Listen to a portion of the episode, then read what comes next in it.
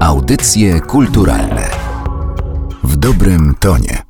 Przed mikrofonem Magdalena Miszewska zapraszam na kolejny odcinek audycji kulturalnych. Dziś moim gościem jest e, Daniel Wyszogrodzki, tłumacz e, musicali, wykładowca e, Akademii Teatralnej i co dziś najważniejsze, autor książki Ale Musicale Złote Stulecie. Dzień dobry. Dzień dobry. Książki bardzo grube, ja powiem to od razu i stron ma ona ponad 600 chyba, czy prawie 600? Prawie 600 małym drukiem, to było ponad 800 stron w tekście standardowym. Ja może raz wytłumaczę, dlaczego ta książka jest taka obszerna. Dlatego, że jest to po prostu prostu pierwsza książka o musicalu w Polsce i świadomość tego, że piszę właśnie tego typu pracę po raz pierwszy, wiązała się z licznymi y, obowiązkami, takimi, że jak coś już napisałem i coś z tego wynikało, to jak jedno, to drugie, jak drugie, to trzecie. Ta książka się po prostu rozrastała w moich rękach. Jest to przy okazji moja praca doktorska w Instytucie Badań Literackich Polskiej Akademii Nauk. Natomiast książka ma charakter przede wszystkim popularyzatorski. Nie jest to książka naukowa, chociaż ma budowę leksykonu dla porządku i dla jasności, ale też starałem się tam zawrzeć wiele ciekawostek. Piszę o musicalach, o ich twórcach, o piosenkach, o premierach, o słynnych innych y, wydarzeniach związanych z musicalami. I tak jak pani wspomniała, jest to perspektywa stuletnia w tej chwili, bo rzeczywiście możemy mówić o pewnej rewolucji w teatrze muzycznym, amerykańskim przede wszystkim. Książka jest pisana z pozycji Broadwayu, bo to jednak tam się to wszystko działo i nadal dzieje. Po 18 roku, czyli po zakończeniu I wojny światowej i książka jakby kończy największa sensacja musicalowa ostatnich lat, musical Hamilton, czyli rok 18. No i mamy stulecie. Podobne zresztą jak stulecie odzyskania niepodległości przez Polskę, bo to te same daty, 18 i 2018 prawdziwe kompendium wiedzy, bo tutaj nawet e, i znalazło się miejsce na wyjaśnienie trudniejszych e, pojęć. Na całe wakacje wydaje mi się, że starczy. Można zabierać każdego dnia sobie na leżaczek i na spokojnie czytać. No ja zachęcam do tego, natomiast rzeczywiście jest to książka, którą można czytać w dowolnym porządku. To znaczy no, naprawdę nie rekomenduję czytania od początku do końca, bo porządek jest alfabetyczny, arbitralny, ale jak mówię, uporządkowała w ten sposób yy, została ta materia. Ale książka jest taka, że można ją otwierać w dowolnych miejscach i ja myślę, że ponieważ każde hasło w tej książce stanowi osobną zamkniętą całość, są takie pigułki, ale ale myślę, że po przeczytaniu iluś tam już tych takich e, haseł w książce, to zacznie się układać pewien szerszy obraz musicalu jako zjawiska, jako gatunku, który dominuje w teatrze muzycznym współczesnym. I my spróbujemy w tym odcinku zachęcać do tego, żeby się na jakiś e, musical e, wybrać. Ja będę zachęcana przez mojego gościa, czyli przez pana Daniela Wyszogrodzkiego i korzystam z tego, co pan napisał we wstępie, że to właśnie na tym panu zależy, żeby sięgnąć być może po jakąś piosenkę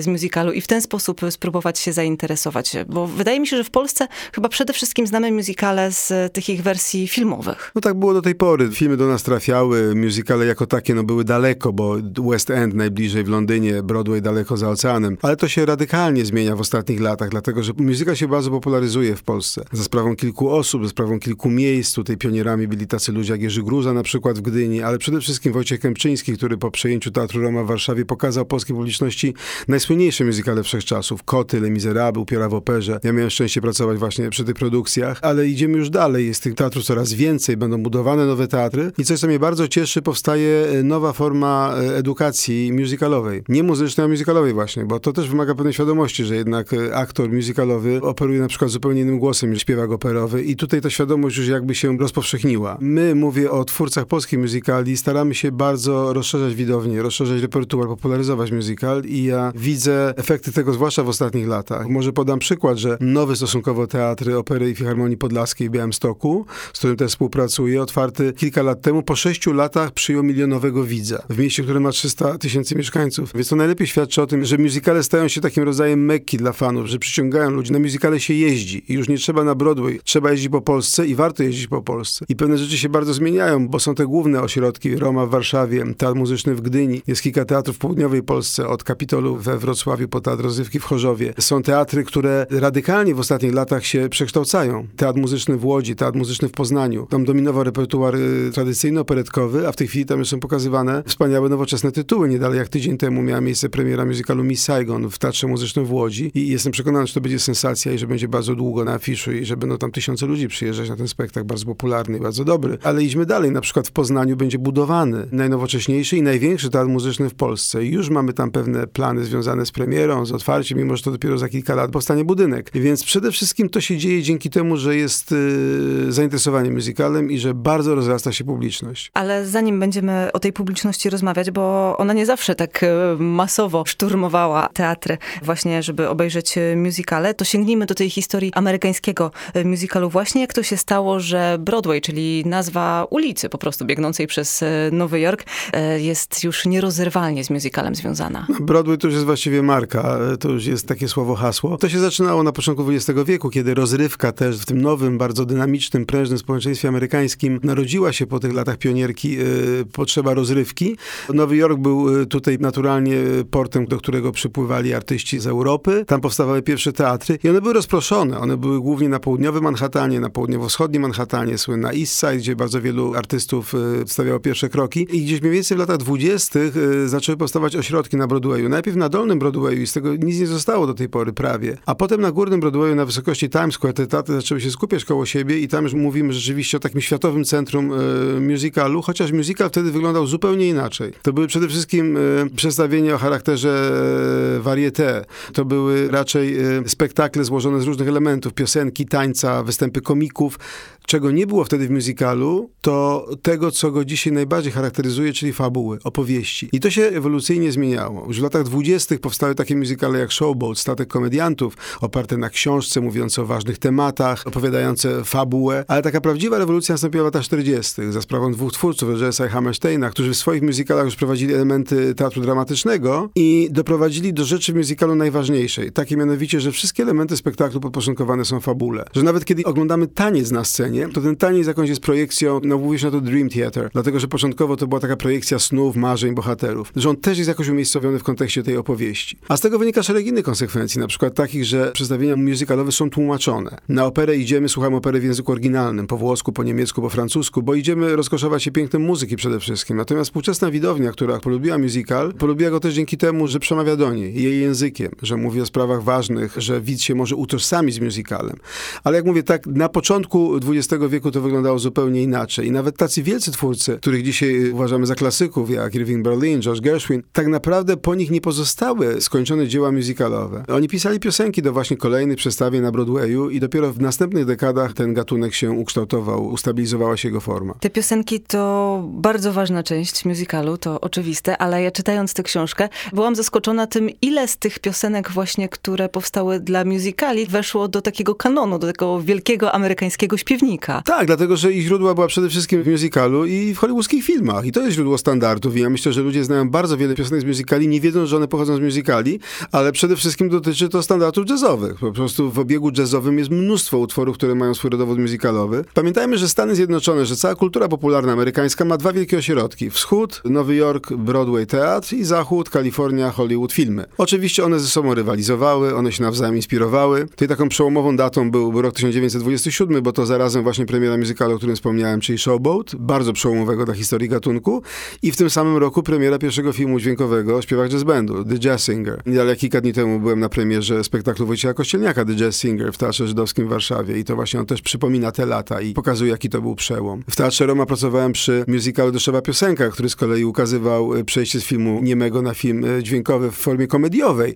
Natomiast dla kultury popularnej, dla tego, czym dzisiaj jest dla nas Hollywood czy Broadway, to były absolutne rewolucje. I to przenikanie się Hollywoodu i Broadwayu trwa cały czas, ale nie ma złotej recepty. Nie zawsze fantastyczny film, na którego podstawie powstanie musical, będzie również fantastycznym musicalem oraz nie zawsze świetny musical przeniesiony na ekran filmowy odniesie taki sam sukces. No właśnie, bo to jest zawsze element ryzyka. I tak jak pani powiedziała, nawzajem to może być film według musicalu, musical według filmu. Ja nawet w książce przygotowałem taką listę popularnych dzieł w tę czy w przeciwną stronę. Ale musical jest gatunkiem, który się składa z bardzo wielu elementów i one wszystkie muszą zagrać. To znaczy musical nie może mieć słabych punktów. Musical stawia bardzo wysoko poprzeczkę przed realizatorami, wykonawcami. To musi być wszystko perfekcyjne.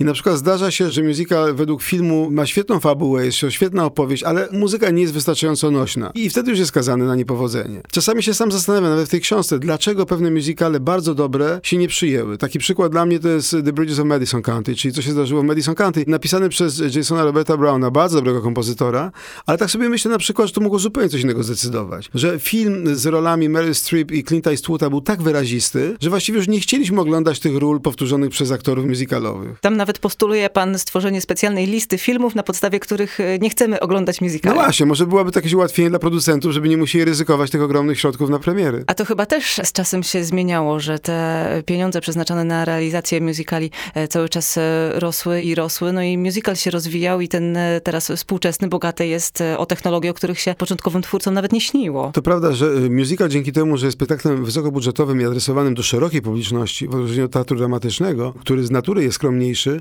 musical był takim zawsze polem eksperymentalnym dla techniki teatralnej. I w latach 80. mówimy o brytyjskiej inwazji, dlatego że tam twórcy z Europy, Andrew Lloyd Webber, Claude Michel Schoenberg, zdominowali na wiele lat Broadway i scenę europejską. I to były też lata, kiedy ta technika się bardzo gwałtownie rozwijała i powstawały w ogóle musicale utożsamiane z pewnymi nowinkami technicznymi. Że wiedzieliśmy, że w upiorze, w operze spada żyrandol, że w Miss Saigon wspomnianym e, ląduje helikopter, że kręci się barykada w Les Miserables i tak dalej, i tak dalej. I to doprowadziło do pewnych absurdów, to znaczy do pewnego przerostu formy nad treścią i były takie e, musicale, które odniosły spektakularną klęskę, typu muzyka według Władcy Pierścieni czy Spider-Man. Który był wyjątkowo nieszczęśliwy dla biorących w nim udział aktorów. Tak, i dla kaskaderów. Tam już y, firmy ubezpieczeniowe odmawiały ubezpieczenia tej produkcji. Oni ponieśli ogromne koszty związane z samym przygotowaniem spektaklu, a potem on był bardzo kontuzyjny i bardzo był taki czuły na awarię. Tam cały czas mogło się coś zdarzyć i rzeczywiście działy się rzeczy dziwne. Więc tutaj już było pewne przegięcie w tę stronę i ja muszę powiedzieć, że współczesny musical, mówię o ostatnich latach, co mnie bardzo cieszy, bo ja kocham teatr w teatrze przede wszystkim, odchodzi od tych efektów, od efekciarstwa można powiedzieć. Że najnowsze spektakle typu Hamilton, te wielkie sukcesy broadwayowskie, Kinky Boots, Księga Mormona, The Book of Mormon, to są już spektakle, które się przede wszystkim mm, sprowadzają do znakomitej opowieści, do świetnej piosenek, bardzo wymagającego aktorstwa, tańca.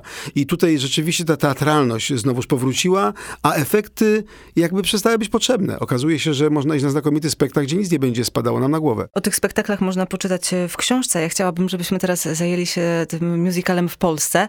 Kiss Me Kate, czy to pierwszy musical wystawiony w Polsce? 1957 rok, wtedy miał swoją premierę. Tak, nie było mi wtedy na świecie, a to był teatr komedia. Teatr, są do dzisiaj te spektakle musicalowe ma w repertuarze. To był pierwszy musical bardzo ważnego twórcy, jakim był Cole Porter, ale ten musical amerykański do Polski przenikał bardzo wolno i bardzo stopniowo. Skapywał po kropelce. Pojawił się w 80 latach Szypek na dachu, przyjął się musical Her w Polsce w latach późniejszych. Dosyć długo był pokazywany Jesus Christ Superstar w Gdyni, tam przecież y, Małgorzata Ostrowska, Marek Piekarczyk, znane nazwiska, ale to były te takie najważniejsze rzeczywiście tytuły i to, co nastąpiło w ostatnich latach jest właśnie otwarcie repertuarowe. Tutaj ogromna rola Romy, która pokazała te wielkie, wielkie, wielkie światowe produkcje. My nadrobiliśmy zaległości dzięki temu, bo to były produkcje sprzed dwudziestu kilku lat głównie, tak jak Koty na przykład, czy Upiew w operze. Ale teraz coraz więcej teatrów sięga po nowszy repertuar, bardziej nowoczesny. Nie tak dawno w Warszawie w Teatrze Syrena Next to Normal. Kameralny musical mówiący o poważnych sprawach, mówiący o rodzinie, o chorobie psychicznej. To zupełnie muzyka się tak bardzo otworzył na tematykę, że właściwie może być w tej chwili o wszystkim. I to jest to, co ja też mówię swoim studentom. Nie chodzi o to, co, tylko chodzi o to, jak. Że jeżeli potrafimy coś pokazać, to można to zrobić znakomicie także w musicalu. A w Polsce ta sytuacja jest w tej chwili bardzo dobra. Publiczność się bardzo rozwija, publiczność podróżuje z teatru do teatru. Są grupy fanów, są ludzie powracający na spektakle, są dyskusje, są fankluby, są fora internetowe. Ja to śledzę, ale też nawet to, że poważne uczelnie mm, artystyczne, wyższe uczelnie państwowe, takie jak Akademia Teatralna, w której ja prowadzę zajęcia, czy Uniwersytet Muzyczny Fryderyka Chopina w Warszawie, czy Akademie Muzyczne w Gdańsku w tej chwili, w Poznaniu, w Łodzi, otwierają kierunki, fakultety musicalowe. Dlatego, że właśnie nastąpiło to zrozumienie, że ci aktorzy muszą być inaczej kształceni, że to są inne głosy. Ja wspomniałem, jak ważny jest realizm we współczesnej opowieści teatralnej, muzycznej, że właśnie dlatego tłumaczymy, dlatego mówimy o sprawach ważnych, sprawach, które dotyczą nas wszystkich.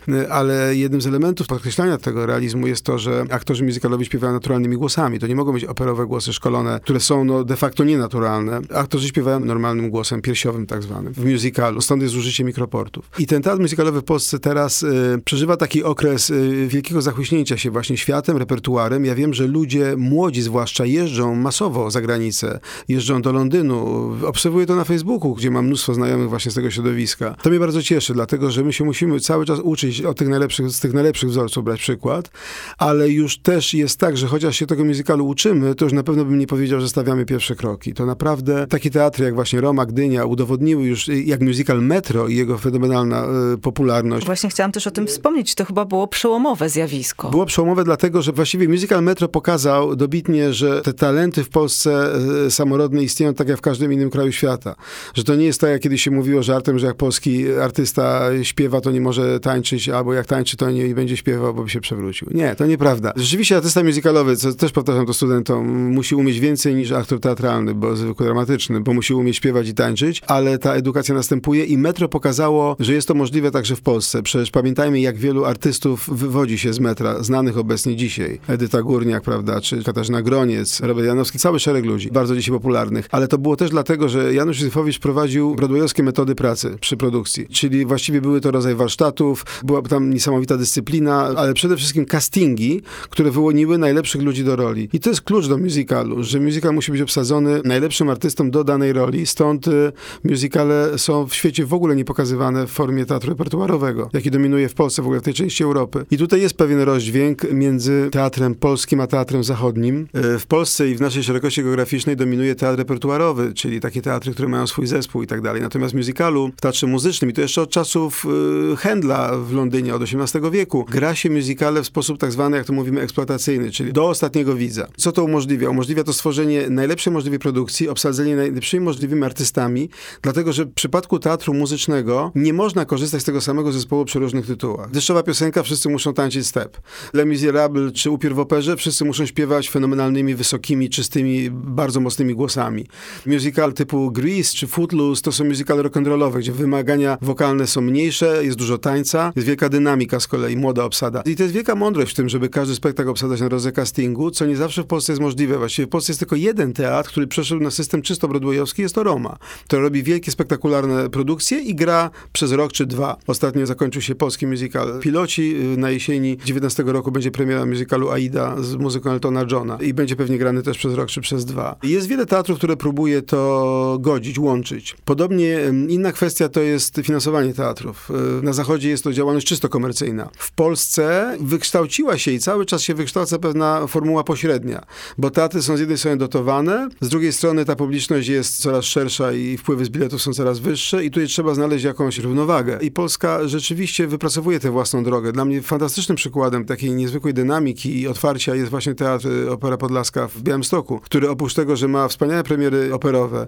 ostatnio świetna Turandot, y, parę lat temu świetna Carmen, przed rokiem y, bardzo dobre przedstawienie La Bohème, a jednocześnie Upiór w operze, a jednocześnie Doktor Zivago, który jest broadwayowskim musicalem pokazanym w Polsce nieporównanie lepiej niż był pokazany na Broadwayu. Jego kompozytorka, autorka Lucy Simon przyleciała do Polski, była zachwycona poziomem tego spektaklu. I tutaj rzeczywiście my możemy dużo, dużo dobrego w tej dziedzinie zrobić, ale też y, obserwuję pewne mechanizmy niekorzystne dla rozwoju tego gatunku w Polsce. Mianowicie no, jest ogromna zależność. Oczywiście wszystko, co publiczne jest polityczne. I to jest normalne, że to nie musi oznaczać nic złego. Natomiast najważniejszą rzeczą w przypadku takich instytucji kultury jak teatr muzyczny jest ciągłość. I tutaj często nie ma świadomości tego we władzach na przykład, we władzach miast czy województw, że w teatrach muzycznych planuje się repertuar tak jak w dużych muzeach, na dwa lata do przodu. Że my teraz negocjujemy y, umowy na rok 2021-2022 i tutaj każda zmiana na stanowiskach dyrekcji na przykład, bo są konkursy, to jest tak jak my edukujemy publiczność naszą, to ja uważam, że też pewnego rodzaju misją tych artystów, tych twórców teatrów muzycznych jest edukowanie władz, samorządów, administracji. To jest konieczne. Dlatego, że na przykład tak się stało w Warszawie, gdzie Roma była teatrem na początku repertuarowym, ale po jakimś czasie władze zrozumiały, że zmiana tych tytułów na afiszu co 2-3 miesiące nie ma żadnego sensu, ponieważ wszyscy na tym tracą. Jest przestój w teatrze, artyści nie mają pracy, publiczność nie ma spektaklu, trzeba wywieźć jedną dekorację, przywieźć drugą i że po prostu lepiej jest grać to w tej formie i władze dały się do tego przekonać. To jest tylko kwestia właśnie dialogu i cały czas popularyzacji i edukacji. Jeżeli chodzi o publiczność e, polską, czy da się zauważyć, co ona woli? Czy woli musicale, które przyjeżdżają do nas z Broadwayu i West Endu, czy woli rodzime produkcje? Czy to w zasadzie nie ma znaczenia? Myślę, że i tak, i tak. Publiczność woli mieć wybór, na pewno. I dlatego to, że są teatry pokazujące stricte zachodnie produkcje w polskich wersjach, jest to bardzo potrzebne. Tacy twórcy jak Wojciech Kościelnia, który robi swoje musicale według literatury, Lalka, Blaszany Bębenek, Chłopi, ostatnio właśnie śpiewak jazz bandu, czyli nawiązanie do amerykańskiej tradycji, to jest bardzo potrzebne. I ważne jest to, żeby publiczność miała wybór. I na przykład w Warszawie, gdzie Roma dominowała, gdzie rzeczywiście teatr Buffo, który jest znacznie mniejszą sceną, pojawił się kolejny teraz teatr o średniej skali musicalowej, czyli Syrena. Bo pamiętajmy też, że my ucząc się musicalu na początku sięgaliśmy po te mega musicale, te wielkie, wielkie, wielkie hity. Natomiast teatr muzyczny w różnych formach jest od kameralnego, potem właśnie wielki, ale znajomość tego repertuaru średniego, nazwijmy to, przez takie osoby jak Jacek Mikołajczyk, który jest teraz dyrektorem teatru Syrena, powoduje, że ten repertuar się bardzo rozszerza, że my pokazujemy publiczności rzeczy, które są dla niej interesujące i nowe. I widzę, że teatry nawet dramatyczne sięgają po repertuar musicalowy. Widzę, że teatry tradycyjne przestawiają się na repertuar musicalowy i widzę wspaniałe perspektywy rozwoju tego gatunku w Polsce. Mówię to zupełnie szczerze, bardzo mnie to cieszy, obserwuję to, pracuję nad tym, mam tu jakoś też swoją cegiełkę i oby tak dalej. I zdarzyło się, że to w naszym kraju była premiera musicalu, zanim e, trafił on na Broadway i na West End. E, tak było w przypadku Aladyna. To była taka taka dziwna historia, dlatego że właściwie to było przed oficjalną premierą Aladyna, tą broadwayowską, disneyowską, oficjalną. Powstała taka wersja, nazwijmy to szkolna, amatorska, Disney Aladdin Junior. To była cała seria i mieliśmy propozycję, żeby zrobić taki spektakl, ale zrobiliśmy go po swojemu i wyszło wspaniale i kiedy przyjechali do nas ludzie z Disneya, ze Stanów i zobaczyli, co zrobiliśmy w Romie z tą ich właśnie wersją niby szkolną, to po prostu byli zdumieni, bo to było pełnowymiarowe widowisko. I właściwie zanim się odbyła premiera na Broadwayu, w Polsce mówiliśmy już o spektaklu Aladdin w tej dużej odsłonie, chociaż stało się to tak troszeczkę, można powiedzieć, przypadkiem, bo rzeczywiście amerykańscy licencjodawcy nie zdawali sobie sprawy z tego, że my zrobimy z tego tak duże widowisko i że wyprzedzimy ich premierę. Ale na tyle im się podobało, na tyle byli zadowoleni, że pozwolili potem na przeniesienie tej inscenizacji e, Aladyna z Warszawy do Petersburga, gdzie nasi twórcy pracowali. Wszyscy moi koledzy z wyjątkiem mnie, ponieważ ja jestem tłumaczem i oczywiście tam był tłumacz rosyjski, ale wszyscy moi koledzy pracowali przy tej samej produkcji w Petersburgu. No, musical Disneya to jest e, temat na jeszcze oddzielną rozmowę, sporo o nim jest e, w książce i skoro jesteśmy przy książce znowu, to ja chciałabym do jednego z polskich musicali sięgnąć. Szalona lokomotywa, musical na podstawie Witkacego, to jest rok 1977. Tak, ja pamiętam ten musical, bo wtedy byłem w liceum i pamiętam, jak to była sensacja, kiedy Teatr Stu przyjechał do Warszawy z Krakowa i tutaj niedaleko siedziby NCK na Woli był wielki namiot i wszyscy zjeżdżaliśmy się, młodzie z całej Warszawy, na spektakl, w którym brała udział Marla Rodowicz, Marek Grychuta. Ja byłem zakochany w tej muzyce, była porywająca. Ja trochę przez przekorę załączyłem ten musical w swojej książce, bo rzeczywiście... Jako antymusical. Jako antymusical, dlatego, że tutaj takim e, klasycznym polskim sukcesem w obrodwojowskiej skali e, było Metro. I oczywiście e, tego musicalu nie mogło zabroknąć w tej książce. Ale ja załączyłem też Salon Lokomotywę, żeby pokazać, że były próby, że one były zupełnie inne, że były naprawdę szalone, tak jak Lokomotywa, bo przecież ja poznałem później twórców Marka Grechuta, Jana Kantego Pawluszkiewicza i oni przyznawali, że po prostu wybierali sobie dowolne fragmenty z dramatów Witkacego i, i pisali i to później nadali temu jakoś mniej lub bardziej spójną całość. Ale ja też wierzę w to, że to jest muzyka, który zasługuje na to, żeby powrócić, żeby go zrobić w oparciu o współczesne kryteria. To jest znakomity materiał muzyczny i bardzo ciekawy materiał tekstowy, natomiast on by wymagał dostosowania do formy muzykalu współczesnego, czyli pewnej motywiczności, przeplatania tematów. Ja wierzę, że ktoś kiedyś się nad tym pochyli i ten musical powróci i jak mówię, przez przekorę, trochę przez y, sentymenty, przez własną sympatię do tych twórców, ale również przez to, że była to chyba pierwsza płyta w historii polskiej fonografii, na której było napisane musical. Szalona lokomotywa, musical. Tak jest na okładce. Stąd jej miejsce. To na koniec jeszcze jedno pytanie. Czy ma pan jakieś swoje musicalowe marzenie, które mogłoby się w Polsce zrealizować? To może być przeniesienie czegoś z Broadwayu do nas, to może być e, musicalowa wersja jakiegoś filmu, jakiejś książki, cokolwiek. Czy coś takiego chodzi panu po głowie? Tak, e, i tak, i tak, i tak. To znaczy ja zawsze marzyłem o tym, żeby pewne e, spektakle musicalowe trafiły do Polski. Są takie, przy których bardzo chciałem pracować jako tłumacz. Takim spektaklem jest na przykład Pipin, ale tutaj zostałem uprzedzony i ten spektakl będzie miał premierę we wrześniu 19 roku w Poznaniu. Ale są inne musicale tego samego twórcy, Stevena Schwartza. Mam nadzieję, że może kiedyś Wicked w Polsce będzie pokazane. Jest ogromne zapotrzebowanie, wszyscy o to pytają. Raczej nie możemy się spodziewać Króla Lwa, a szkoda, bo jest to wspaniały teatr, nie tylko dla dzieci naprawdę, bo obsada musi być czarnoskóra, więc tutaj jeszcze długo do Polski nie trafi, najbliższy jest w Hamburgu, ale mamy też plany tworzenia musicali w Polsce od podstaw i tutaj nie jest już tajemnicą, że pracuję nad musicalem według filmu, kultowego filmu polskiego Sex Misja. Napisałem już libretto za zgodą Juliusza Machulskiego, już piszemy z kolegami piosenki i rzeczywiście może to być sensacja, mamy nadzieję, że będzie to kolejny polski musical bardzo popularny, ale planujemy jego premierę na otwarcie nowego Teatru Muzycznego w Poznaniu, więc jeszcze trochę czasu przed nami. Ja mam własne projekty musicalowe, e, sięgające po literaturę. Miałem zamiar realizować e, je częściowo właśnie w Operze Podlaskiej, gdzie teraz no, czekamy na rozstrzygnięcie konkursu i zobaczymy, jaka będzie przyszłość tej instytucji, ale na przykład uważam, że z naszej polskiej literatury wspaniałym tematem na musical jest Quo Vadis. Oczywiście jest to musical historyczny, literacki, takie trochę powiedzmy w starym stylu, w stylu musicali lat 80., kiedy ta literackość właśnie, jak Nędznicy czy musicale według Dickensa dominowały sceny teatru muzycznego. Mam też i tutaj powiem kilka swoich bardzo takich prywatnych pomysłów związanych z pewnymi postaciami z polskiej historii, które są bardzo inspirujące, osadzone w epoce, którą bardzo lubię, czyli w czasach oświecenia. I tutaj przychodzi mi do głowy Jan Potocki, przychodzi mi do głowy Beniowski. I myślę, że to są postaci, które po prostu aż się proszą o napisanie wspaniałego musicalu i wierzę, że jeszcze może mi się uda to kiedyś zrealizować. To czekamy i zobaczymy, czy faktycznie tak będzie. Tymczasem polecamy książkę, ale musicale można czytać latem, jesienią, jak kto woli, a najlepiej, najlepiej od zaraz zaczynać. Dziękuję bardzo. To ja bardzo dziękuję. Audycje kulturalne w dobrym tonie.